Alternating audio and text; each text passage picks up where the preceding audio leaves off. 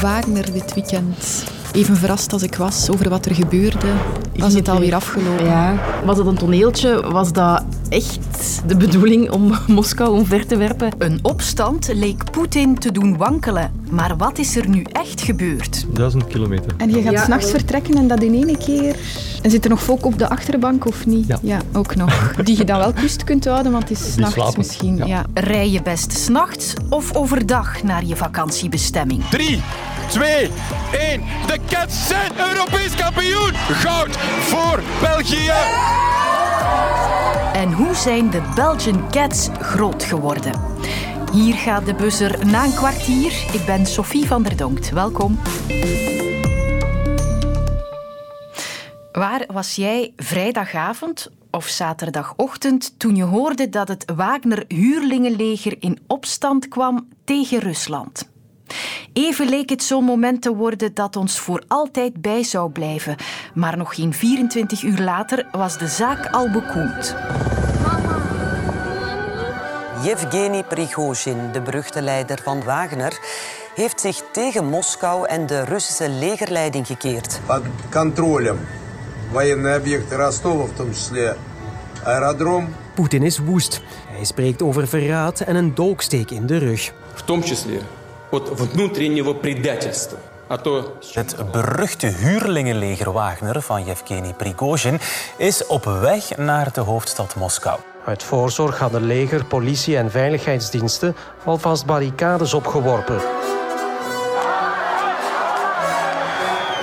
In Rusland is de opstand van het Wagner-huurlingenleger voorbij. Het konvooi was op weg naar Moskou, maar heeft rechtsomkeer gemaakt. Het lijkt het meest waarschijnlijke eh, dat er gesprekken zijn geweest tussen Prigozhin en de president van Wit-Rusland, Alexander Lukashenko. En na dat woelige weekend blijf ik vooral zitten met de vraag: wat was dit nu? Wat hebben we zien gebeuren? En niet alleen ik, ook analisten en experts beten hun tanden erop stuk en kwamen met verschillende theorieën aandraven. De ene ziet er een afrekening in met Poetin zelf. Dit was eigenlijk voor mij een aanval van Prigozhin op Poetin zelf. Want Prigozhin heeft de aanpak van het Kremlin in vraag gesteld. Dus eigenlijk viel hij rechtstreeks Poetin aan. De ander vermoedt een onderschatte populariteit van Prigozhin. Hij heeft steun onder de bevolking. Hij heeft steun binnen delen van het Russische leger. Dit kan nog best wel eens eh, dooretteren. En dan ja, durf ik niet te voorspellen wat er gaat gebeuren. En een derde zet grote vraagtekens bij de bemiddeling van de Wit-Russische president Lukashenko. Ik geloof daar eigenlijk niks van. Wel dat ze elkaar zo lang kennen, maar niet dat hij een echte bemiddelaarsrol kan spelen. Want zowel Poetin als Prigozhin nemen hem helemaal niet serieus. Dus hij kan helemaal niet degene zijn die probeert de boel in goede banen te leiden. We zijn intussen maandag. Is het stof genoeg gaan liggen om helder te zien? Het stof is al een beetje gaan liggen, maar heel helder zien we toch niet alles al. En, en ik vraag me ook af of we dat ooit helemaal helder gaan zien.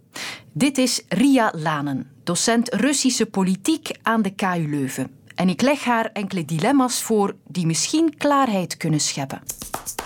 Was de opstand een strak uitgekiend plan of een spontane opwelling? Het is niet zo dat Prigozhin eh, gewoon 's ochtends opstond, denk ik, en besliste om eventjes eh, richting Moskou gaan op te trekken. Ehm, het was al langer duidelijk dat het helemaal eh, scheef liep eh, in de relatie tussen Prigozhin en zijn Wagner-troepen enerzijds en anderzijds het eh, Russische ministerie van Defensie. Dus hij was waarschijnlijk al langer iets van plan. Maar wat de uiteindelijke doelstelling van dat plan was, dat is ook voor mij nog een raadsel. Was het een totale verrassing voor Rusland of waren er mensen op de hoogte? Wel, de Amerikaanse inlichtingendiensten beweren dat zij wel van iets op de hoogte waren. Maar ik denk ook niet dat zij echt van het concrete plan op de hoogte waren. En nu, als de Amerikaanse inlichtingendiensten op de hoogte waren van iets, dan waren wellicht ook de Russische inlichtingendiensten op zijn minst op hun hoede. Maar waar en wanneer en hoe dat precies zou uitgevoerd worden, dat was wellicht voor iedereen een beetje een verrassing. En was dit nu een stukje theater van Prigozhin of was het echt de bedoeling om Moskou te doen wankelen? Wel ja, dat, dat laatste weten we dus niet echt. Hè. Maar um, om echt Moskou te gaan bestormen en dan ook nog het Kremlin proberen de macht over te nemen. Ik denk niet dat dat de ultieme doelstelling was van Prigozhin. Ik denk dat het eerder een heel verregaande provocatie aan het adres van het Kremlin was. Wellicht hoopte Prigozhin op die manier um, toegevingen kunnen vast te krijgen van de kant van het Kremlin. Dat was wellicht zijn doelstelling. Ik denk niet dat hij echt uh, ineens uh, Poetin van de macht wou gaan verdrijven en zelf de plak wilde gaan zwaaien in Rusland.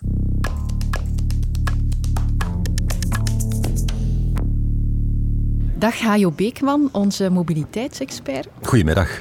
Ik ga jou voor een keuze stellen. Hier naast mij zit collega Jan. Hallo. En wij zijn allebei aan het aftellen naar onze vakantie. Toevallig vertrekken wij in hetzelfde weekend en we gaan ook dezelfde kant uit, maar we gaan het wel anders aanpakken. Hè? Uh, ik ga s'nachts vertrekken, om twee uur s'nachts. Twee uur s'nachts. En ik uh, rijd naar de PG1, een duizendtal kilometer, uh, in één keer, maar we zijn wel met twee chauffeurs. En ik ga nog iets zuidelijker, naar Catalonië in Spanje. Wij gaan in de voormiddag vertrekken en in twee etappes. Voor ons allebei geldt wel dat er kinderen op de achterbank zitten, Hajo. Dus met wie wil jij meerijden? Wel, in principe, volgens de wetenschap, is het niet zo verstandig om s'nachts te rijden, omdat de risico's groter zijn. Hè. Vermoeidheid slaat sneller toe. Uh, dus ik zou eerder met jou meerijden, Sophie. Wat mag ik in jouw playlist zetten? We gaan wat muziek luisteren onderweg. Uh, een, beetje, een beetje Daft Punk bijvoorbeeld en een beetje Purple Disco Machine.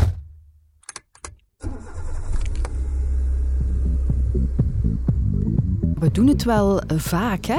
S'nachts op vakantie vertrekken. Ja, heel veel Belgen. Uh, VAB heeft een uh, enquête uitgevoerd uh, waaruit blijkt dat maar liefst zes van de tien van hun leden eerder s'nachts dan overdag rijdt. Dus het is heel populair. Maar toch, uh, de vermoeidheid die sowieso ook toeslaat uh, overdag bij een lange rit, die slaat rapper toe tijdens de nacht. Dat heeft te maken met onze biologische klok. Zeker tussen twee uur s'nachts en zes uur s morgens werken onze hersenen gewoon niet optimaal. Hè. De cognitieve processen draaien aan een lager tempo.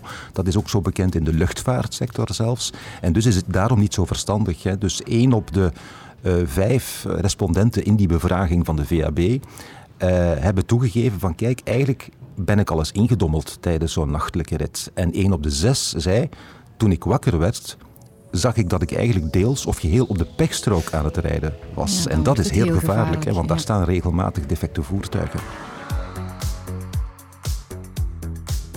Risico is zelfs het grootste in de laatste 100 kilometers van het traject. Je denkt, ja, er kan me niks meer gebeuren, want ja, we zijn er toch bijna. Het is al dag geworden, het wordt warm in de wagen, je bent niet meer zo alert. En dan gebeuren net de zwaarste incidenten. Maar misschien in het voordeel van, van Jan, het is nachts wel minder druk, dus ja. je wint tijd misschien. Je wint tijd op voorwaarde, dat hangt af van je traject natuurlijk. Hè. Dus als je, ik hoorde Jan zeggen, twee uur s'nachts vertrekken, uh, je rijdt wellicht via Clermont-Ferrand naar de Pyreneeën, uh, maar dan kom je toch eigenlijk uh, in de late ochtend aan op bijvoorbeeld de A9, waar het op dat moment al heel druk is op een zaterdagochtend.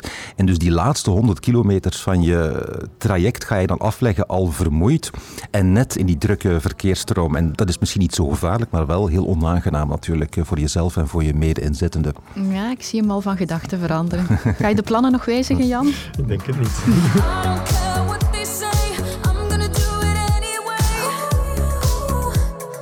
Wat zijn dan de tips als je het toch doet, zoals Jan?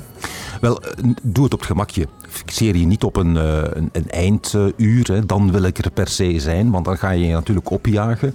Neem zeker om de twee uur of om de 200 kilometer een, een pauze van minstens vijf minuten. Dat is het net zoals je op kantoor acht uur werkt. Je gaat ook niet acht uur achter je pc zitten. Je gaat af en toe eens een koffietje halen of een babbeltje slaan met een collega. Je neemt een lunchpauze. Doe niet in de auto wat je op kantoor ook niet zou doen. Dus neem af en toe die pauze van pakweg vijf minuten. En voel je je echt moe, dan is het aan te raden om even een powernap te doen. Bij maximum 20 minuten. En daarvoor, als je dat lekker vindt, neem een koffietje of een espresso. Ervoor, inderdaad. Want uh, de cafeïne begint pas te werken ongeveer na een kwartier, 20 minuten. Dus je koffie die je ervoor neemt, heeft geen invloed op je slaap gedurende die 20 minuten. En daarna kan je eigenlijk veel uh, alerter doorrijden. Ik zou het echt aanraden.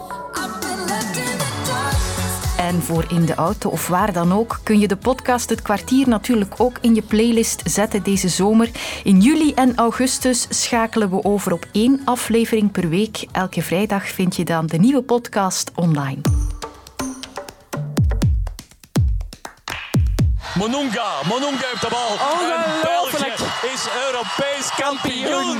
Misschien maakt dat een sportmoment extra historisch. Nog op en over de tegenstander gaan op een moment dat je het niet meer verwacht. Wat een wedstrijd.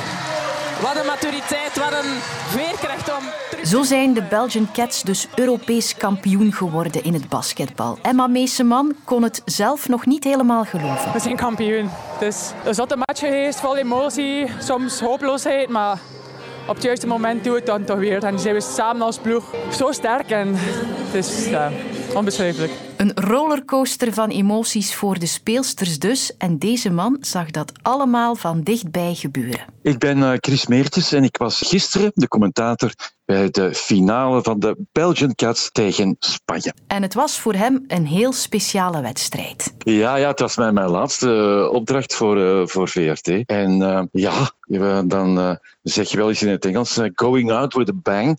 En dat is gisteren gebeurd. Hè. Prachtig met een gouden medaille van de Cats afscheid kunnen nemen van je werk. Dat is, ja, beter kan je niet eens zijn. En ik dank je ook voor de 34 jaar dat ik dat heb mogen doen. Maar voor we hem laten genieten van zijn pensioen, trokken we bij het kwartier nog eens aan zijn mouw.